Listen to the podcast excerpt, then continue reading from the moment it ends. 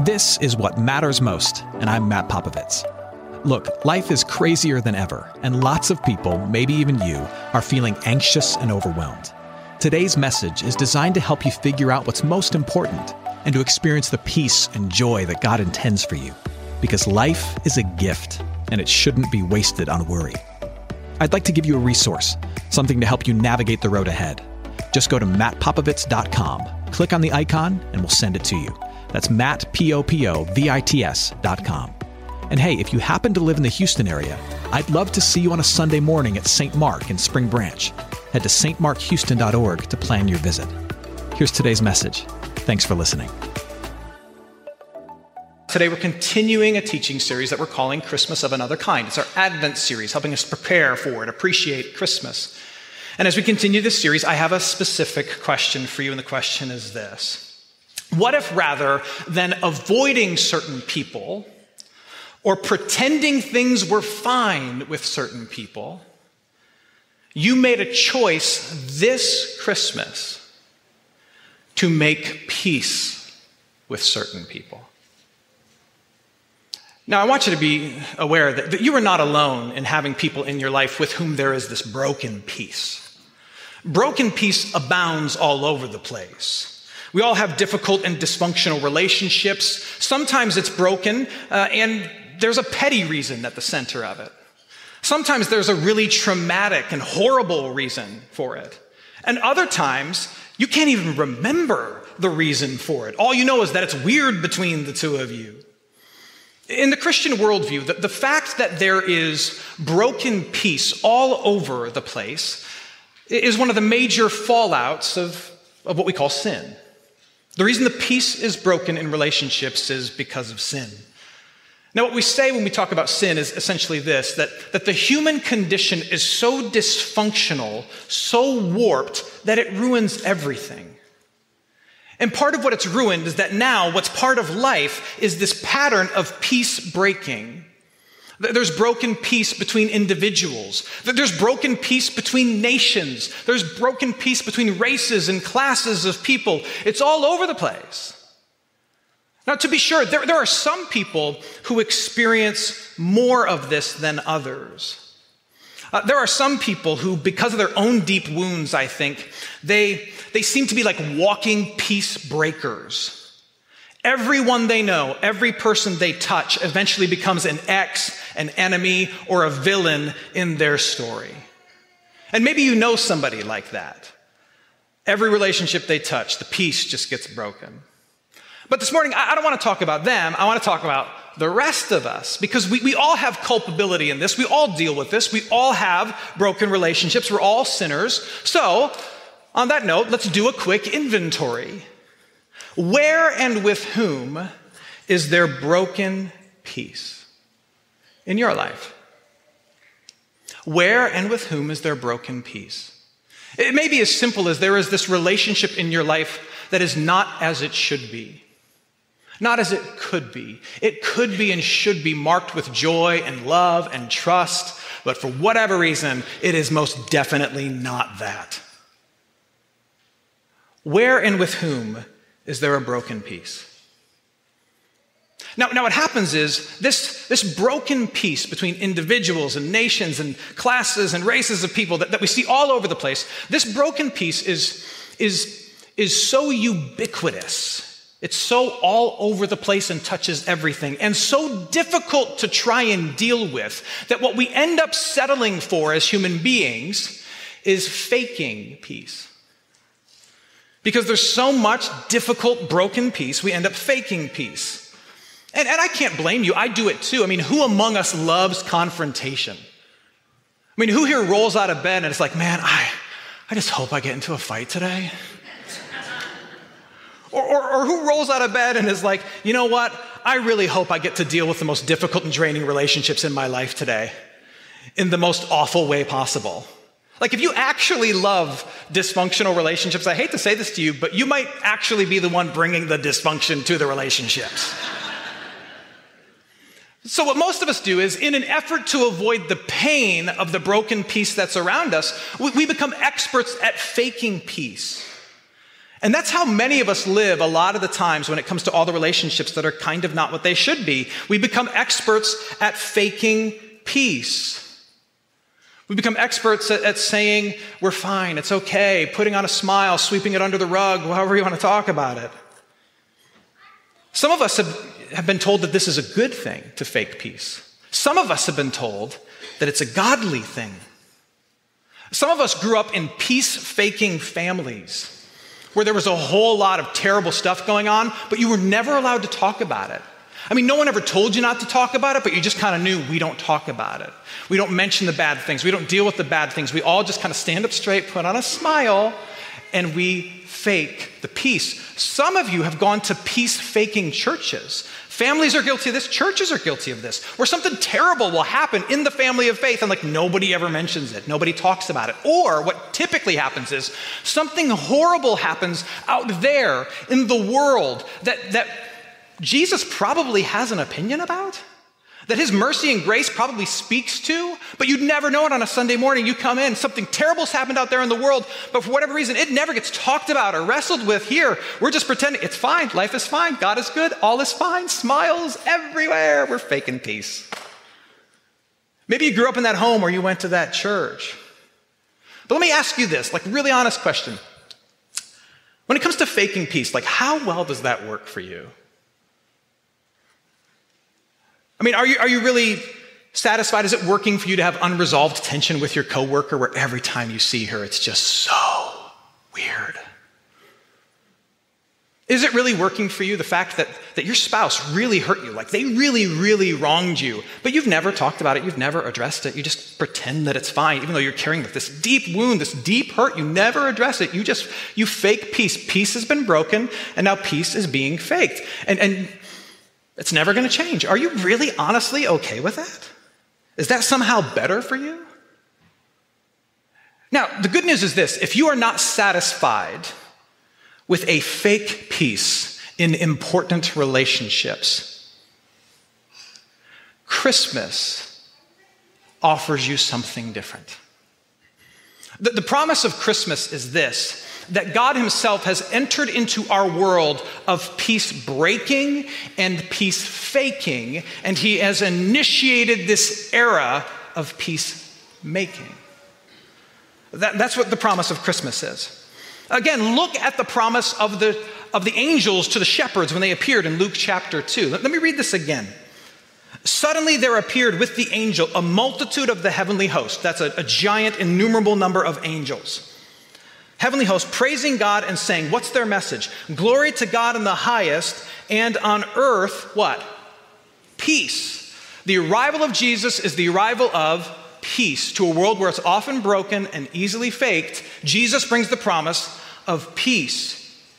Christ arrives to make peace in two directions. We often only emphasize one, like he's here to make peace in this direction between us and God. He's here to make peace to us with the Father, and that's certainly true, but He's also come to make peace through us. Notice the message of the angels is that there is peace not between God and man, though that is true, but it's peace among mankind.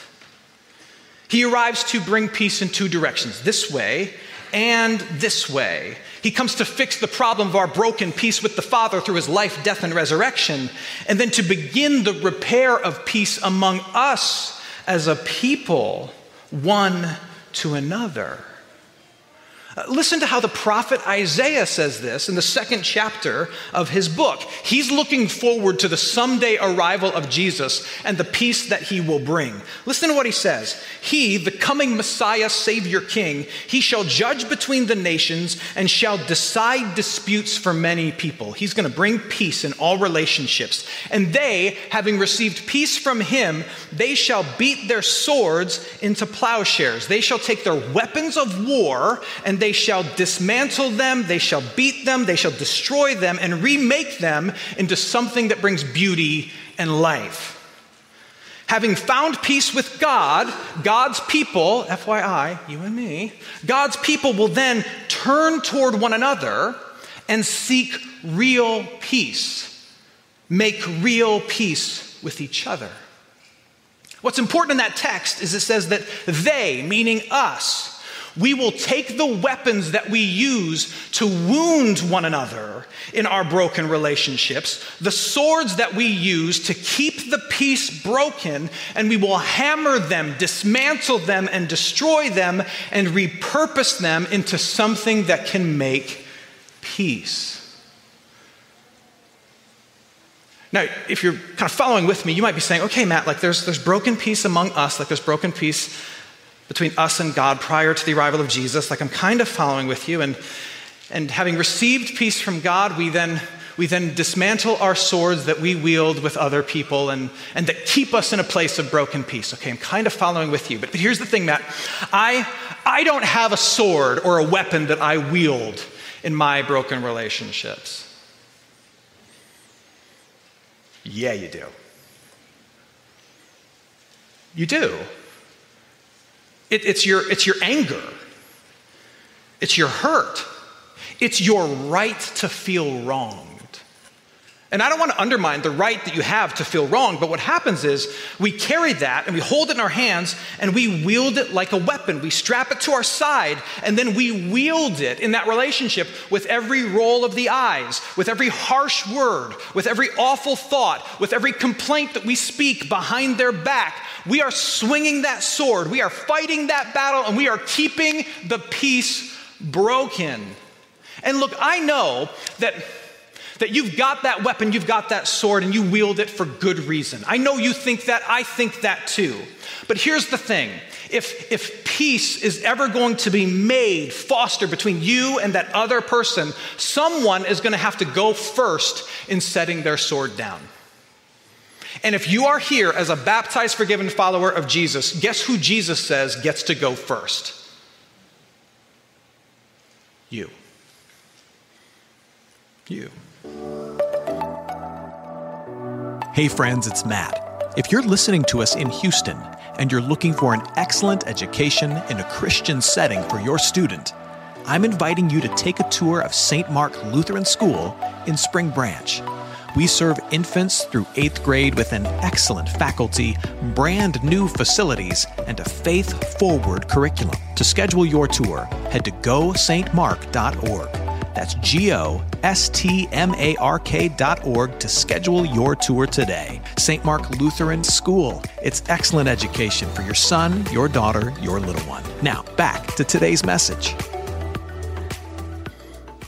Now, the really like amazing, beautiful, awesome thing about Jesus is that he never ever asks anything of us that he doesn't first do for us. I'm going to say that again. Jesus never asks anything of us as his people that he doesn't first do for us.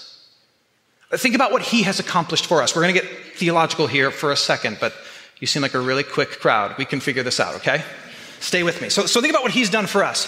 When sin entered the world, our collective relationship with God got all kinds of broken. It got all kinds of sideways. We went running from God, and then we got rightfully punished by Him. Mankind went running from its Creator, and because we went running headlong into evil and injustice and all the horrible things that we collectively are culpable for, God then rightfully punished us. And the punishment for the broken peace between us and God the Father is one thing the punishment is death.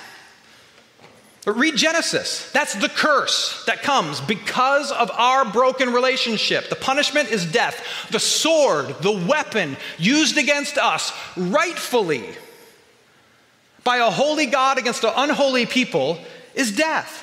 That's the sword that God rightfully wielded on humanity for all of our evils, all of our injustices, for breaking apart this peace. Now, now here's the key. When the time for reconciliation came, when the time came to fix the relationship this way, when the time came to make it right, what did God do? Did he look at us who had wronged him and say, "You made it wrong, fix it, make it right?"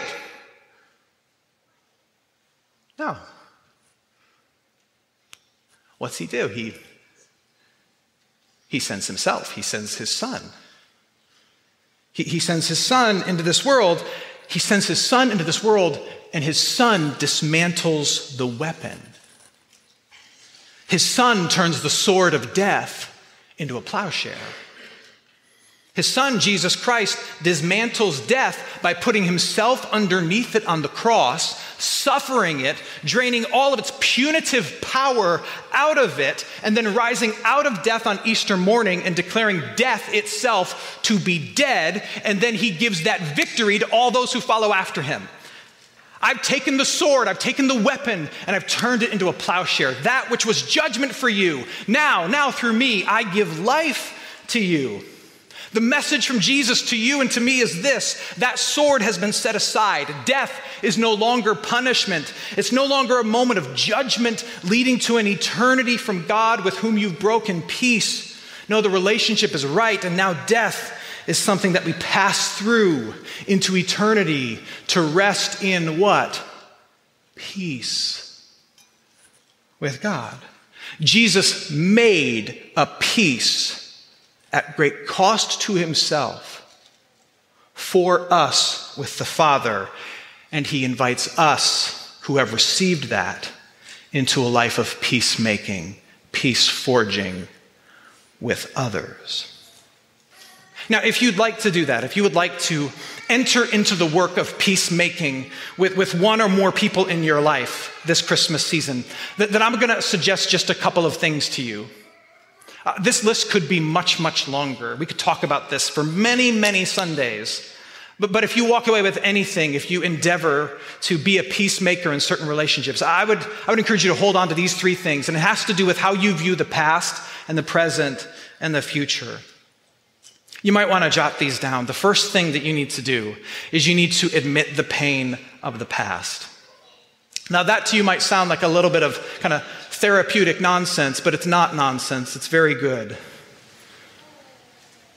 The scriptures are full of the details of how God's people have hurt their relationship with each other and with Him. God is very much in favor of naming the pains and the hurts of the past. You need to articulate what went wrong, when it went wrong, who did what, what did you do, what did they do, what's your part in this? Do you have a part in this? Articulate the pain, what and how it went wrong. First, do this to yourself. Admit it to yourself, admit it to your God who will forgive you. And then, if possible, and I get it, it's not always possible, admit it to the other party. Things went wrong this way at this time, and it made me feel like this. And I'm just, I'm not, I'm not okay with that. And I know that can be difficult, but, but Steve Cuss, a pastor and an author that I really appreciate, one of the things he says is when it comes to relationships, that which you don't name, you will never tame. Can you name it? The second thing is this you refuse to wield your weapon in the present. What's the weapon? What's the sword that you are so tempted to swing in this broken relationship that you think protects yourself, but it also just keeps things broken? Is it a cold shoulder? Is it a harsh word? Is it a, a, distance that you maintain between this person and you? Is it a stream of awful thoughts and terrible grievances that you rehearse in your mind every time you see them, every time you think of them? If you want to enter into the work of making peace, then you make a commitment about the present that when you see them in the present, you are going to do your best to set that weapon aside and refuse to wield it. And then when you you show yourself to be a human and you pick up that weapon and you wield it, you ask for grace and mercy and forgiveness, and, and God shows you grace and mercy and forgiveness in Jesus, and then you set it back down and you try again. You refuse to wield your weapon in the present. I know it's hard. The third, and this is a tough one, you determine to put the best construction on their actions and their words in the future. The next time that you see them, the next time that you're with them, the next time you hear about them, you choose to frame who they are, what they say, and what they do in the best possible way. You you give them the gift of grace. I, I, know that, that they probably haven't changed and maybe they haven't said, I'm sorry, that they're probably still the same terrible person that you think they've always been. I get that. I understand that they don't deserve this, but that's what makes it a gift. That's what makes it grace. Do not treat them as their sins deserve. Choose to frame what they do in the future in the best possible light. That doesn't mean you set yourself up to be hurt, doesn't mean you have to be a punching bag for their dysfunction. It just means that you, insofar as it depends on you, you are trying to be gracious to them and you are trying to give this relationship a chance. And again, I know they don't deserve it, but that's the definition of grace. Neither do you. But we give it anyway. And look, I want to be realistic about this. The scriptures are certainly realistic about this. Listen to what Paul says in Romans chapter 12. He says, If it is possible, as far as it depends on you, live at peace with everyone. He says, If it's possible. The implication is sometimes it's not what? It's not possible. But insofar as it depends on you, you do what you can to try and make peace with this person.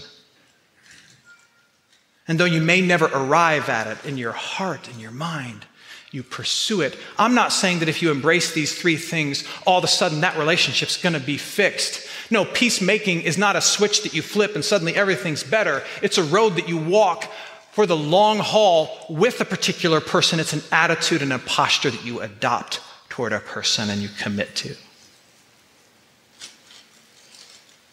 That's what it is. In the traditional Christian liturgy, there's this moment called the passing of the peace. If you're not familiar with it, it's, it's the, the moment in the service where, after the pastor has announced the sins of the people to be forgiven through the work of Jesus, that the relationship this way is full of peace. Uh, the people in the congregation, they then turn towards each other, wherever they're standing. They turn towards family or friend or, or complete stranger, and they say a certain phrase. You know what that phrase is? They say, Peace be with you. Yeah, you're, you're familiar with it. It's meant to be a, a reenactment of what Isaiah talks about, where the people of God who have received peace, hard fought, hard won peace in their relationship with Him, then seek to take that out into the relationships with one another. It's meant to follow them into their homes, into their workplace, and into their pews, where having heard of God's peace towards them, they then turn towards each other and they say, Peace be with you. Oh, I can't stand you. Peace be with you. Oh. Peace be with you. I haven't talked to you in years. Peace, peace be with you. Peace be with you. Peace be with you. Yes, yes, I'm still kind of mad, but peace be with you. Peace be with you. In fact, it's really, it's it's kind of fun, so just humor me. Just turn to the person to your right or to your left and say, Peace be with you. Would you do that?